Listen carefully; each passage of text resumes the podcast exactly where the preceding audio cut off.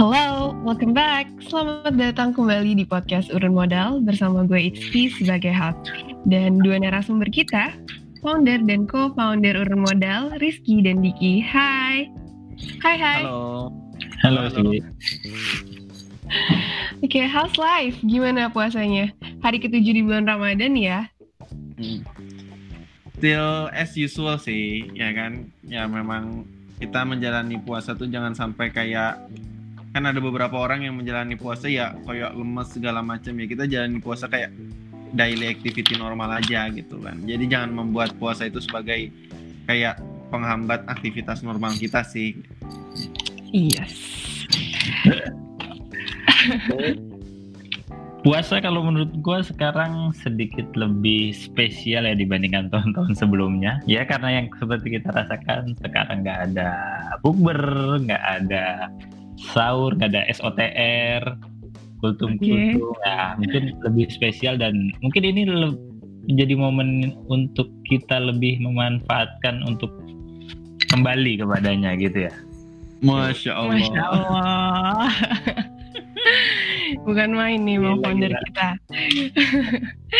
Oke, okay, sebelumnya gue mau bilang terima kasih buat teman-teman yang sudah mendukung podcast channel kita. Semoga ke depannya kita bisa terus berbagi manfaat dengan konten-konten kita.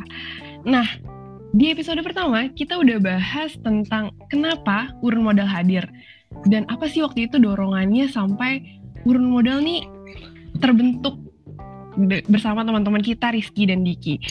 Di episode kedua, seperti yang sudah dijanjikan, di episode ini kita akan bahas tentang bagaimana urun modal memenuhi operational cost-nya atau simpelnya gimana sih urun modal nih bisa memenuhi revenue-nya atau mendapatkan revenue-nya. Tapi sebelum itu, kita kayaknya perlu tahu dulu gimana bisnis modal urun modal sampai akhirnya revenue itu didapat.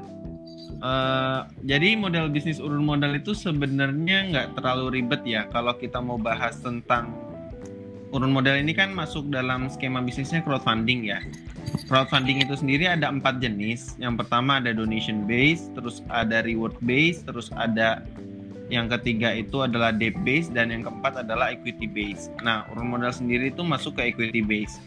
Kalau mau dijelasin dikit gitu ya terkait tentang jenis-jenis crowdfunding buat nambah wawasan juga teman-teman yang lain. Crowdfunding dengan tipe donation base itu adalah crowdfunding yang memang si orang yang ikut dalam project crowdfunding itu nggak akan mendapatkan hal-hal lain kecuali aktivitas sosial itu gitu. Jadi memang niat awalnya itu memang untuk sosial karena memang donation base kan bentuknya donation. Contohnya kalau misalnya pasti teman-teman pernah dengar lah ya kita bisa karena lagi booming banget kan sekarang terutama lagi di situasi pandemi Covid ini banyak orang yang berbondong-bondong memang sedang giat-giatnya melakukan donasi gitu. Salah satu platform yang digunakan itu kita bisa. Nah, yang kedua dari reward base, reward base itu adalah orang yang ikut dalam project crowdfunding ini, dia akan mendapatkan hadiah sesuai dengan project apa sih yang dia ikuti gitu. Kalau misalnya kita lihat contoh yang paling terkenal itu ada Kickstarter. Kalau teman-teman misalnya ikut donasi di Kickstarter, biasanya teman-teman tuh bisa dapat produk dari yang dia create gitu. Contohnya misalnya ada project membuat board game atau apa gitu ya teman-teman yang donasi di situ akan dapat barang itu sendiri. Nah, dulu di Indonesia pernah ya kalau nggak salah 2-3 tahun yang lalu uh, yang pesawat R80 ya kalau nggak salah. Nah, iya R80 itu juga walaupun di kita bisa tapi konsepnya itu uh, reward base karena yang sekalipun donasi akan dapat juga jaket dan lain-lain kan waktu itu. Nah, lanjut itu ada di hmm, debt base. Nah, debt base ini konsepnya hutang. Jadi ke, kalau teman-teman ikut ber ikut dalam project crowdfunding itu akan dapat hmm. imbal imbal hasil itu e, baik bunga ataupun bagi hasil konsepnya. Nah, yang terakhir ini adalah equity base. Nah, equity base ini teman-teman yang ikut dalam project crowdfunding equity base itu akan mendapatkan feedback atau imbalan berupa kepemilikan saham di perusahaan yang teman-teman ikuti crowdfundingnya. Contoh misalnya di urun modal kita ada project ayam geprek juara gitu kan teman-teman yang ikut crowdfunding di sana akan punya saham di outlet ayam geprek juara tersebut gitu. Nah, karena memang kita itu sistemnya eh, sebagai mediator, ya kan, mediasi. Jadi memang bisnis model kita itu kita akan men, eh, sebagai penengah ataupun ya kalau misalnya dibilang bahasa gampangnya calo Mediator gitu. ya. calo atau mediator yang Oke. memediasi antara investor dengan si pemilik bisnis gitu kurang lebih. Mhm. Jadi sampai dapat revenue-nya nih di mana? Hmm, ya jadi gini. Apa namanya? Itu kan kita kan sebagai perantara yang dijelasin sama Diki tadi kan perantara. Eh gue langsung coba kasih gambaran aja ya, mungkin.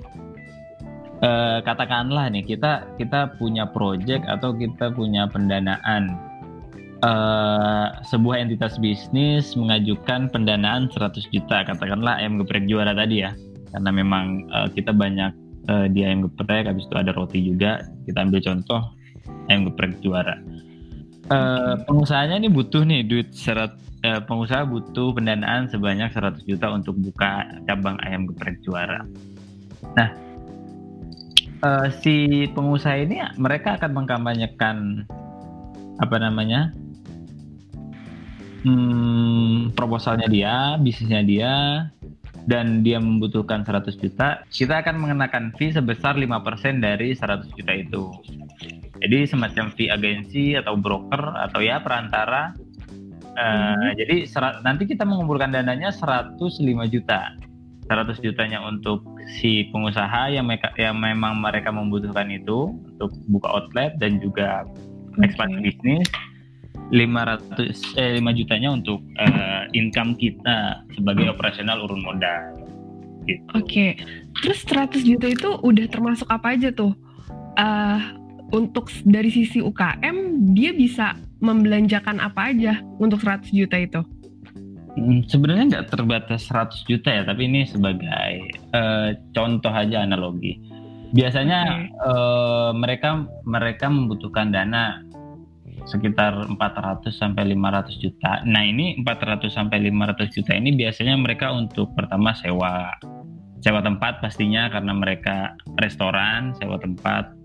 Habis itu biasa belanja aset eh, kompor, kulkas, alat kasir, meja dan lain sebagainya sampai eh, dengan dana yang 400 juta itu atau 500 juta mereka cukup untuk membuat sebuah eh, outlet dan dapat dioperasionalkan.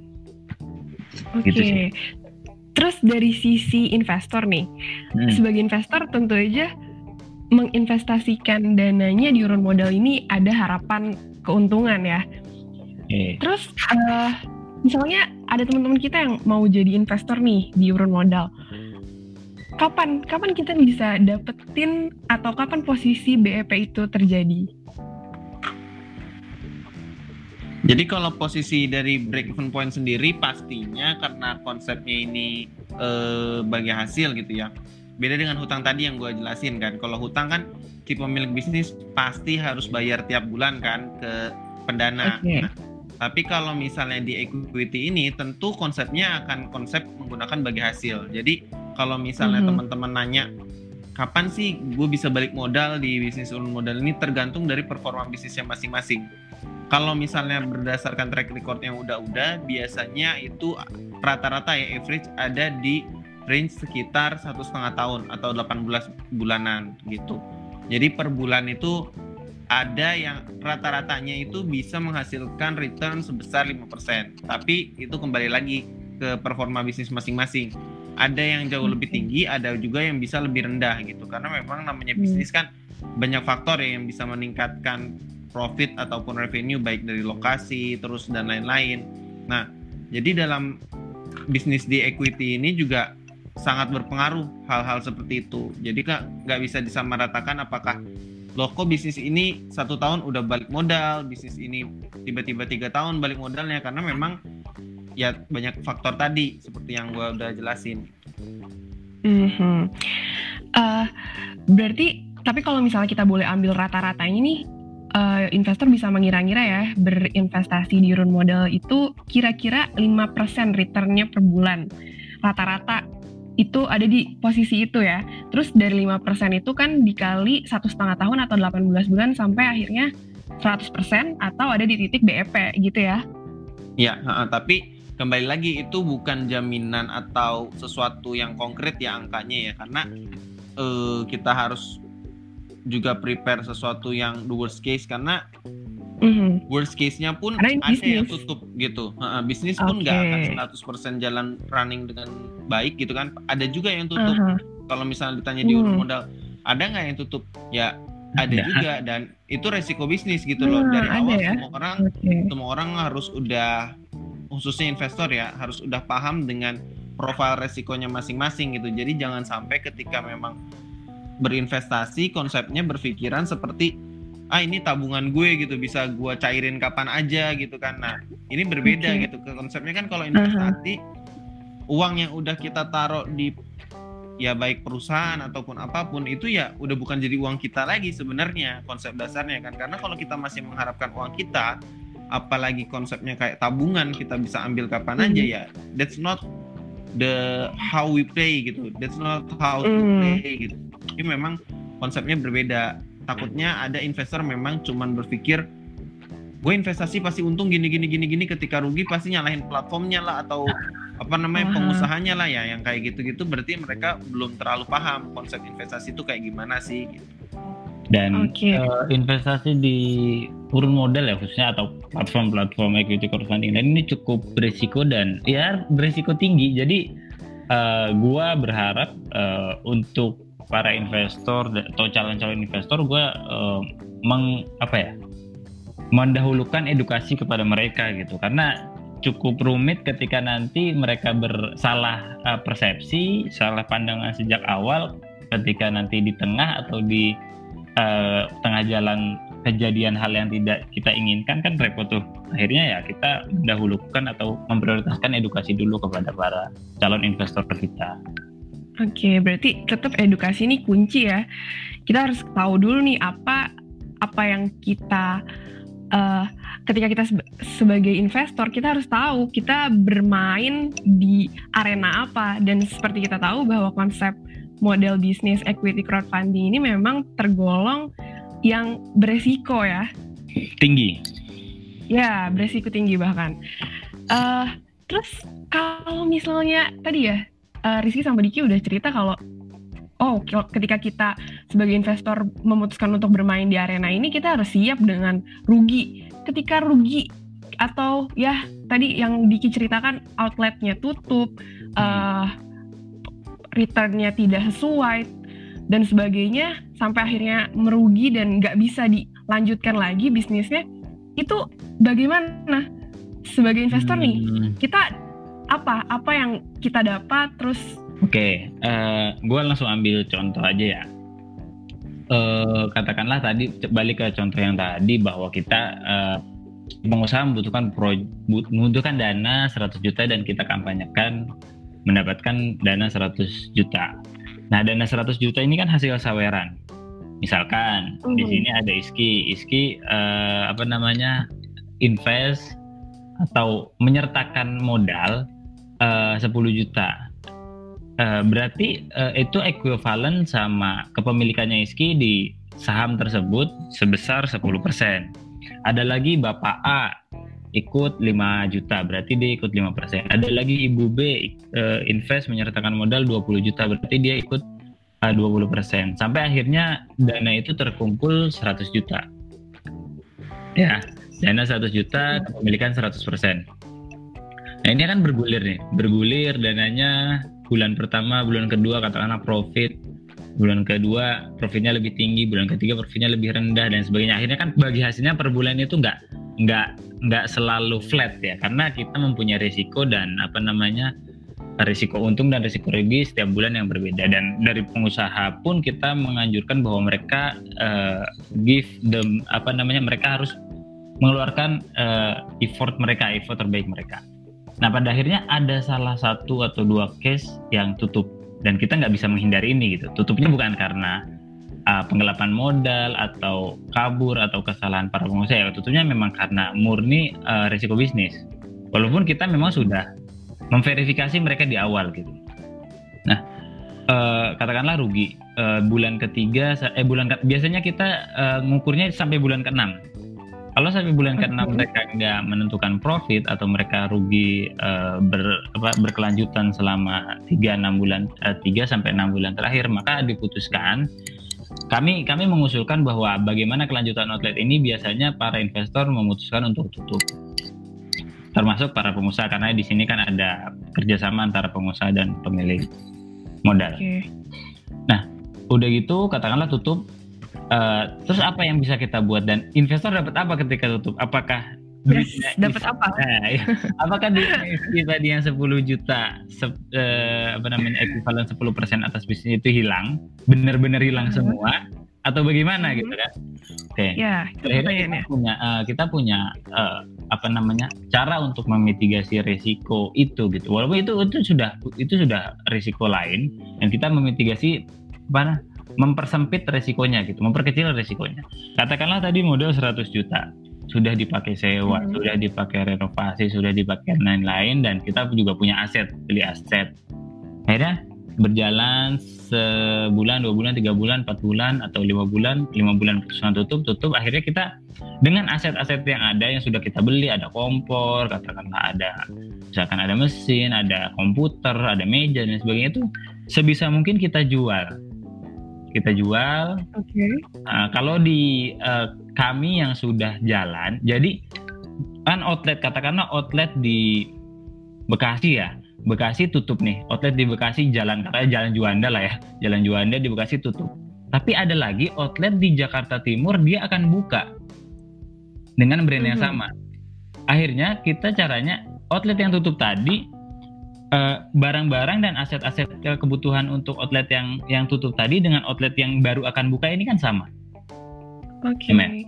nah okay, itu akan okay. di switch dan dibeli sama outlet yang baru dibeli uh, cash, mm -hmm. mereka akan mendapatkan dana tersebut senilai uh, aset uh, nilai awal gitu. Sehingga uh, investor dari jual asetnya ini, pengusaha dari jual asetnya ini, mereka nggak terlalu apa ya, nggak terlalu mendapat banyak kerugian gitu, karena memang baru dipakai uh, beberapa bulan aja.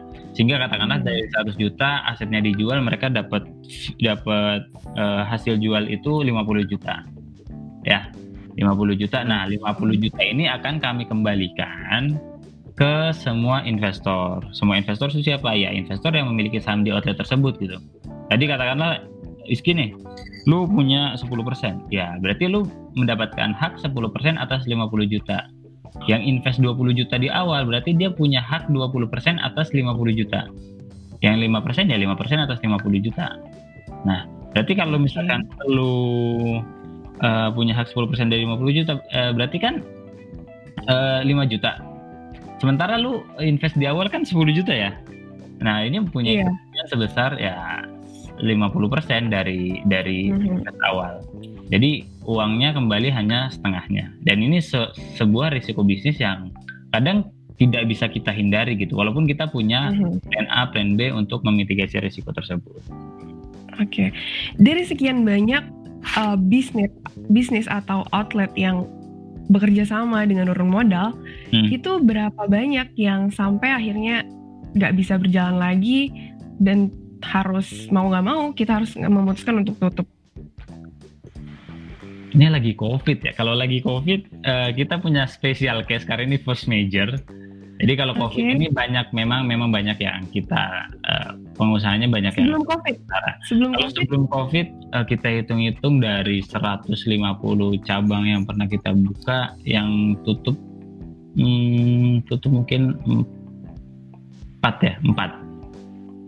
Dari 150 cabang hanya empat ya. Hmm.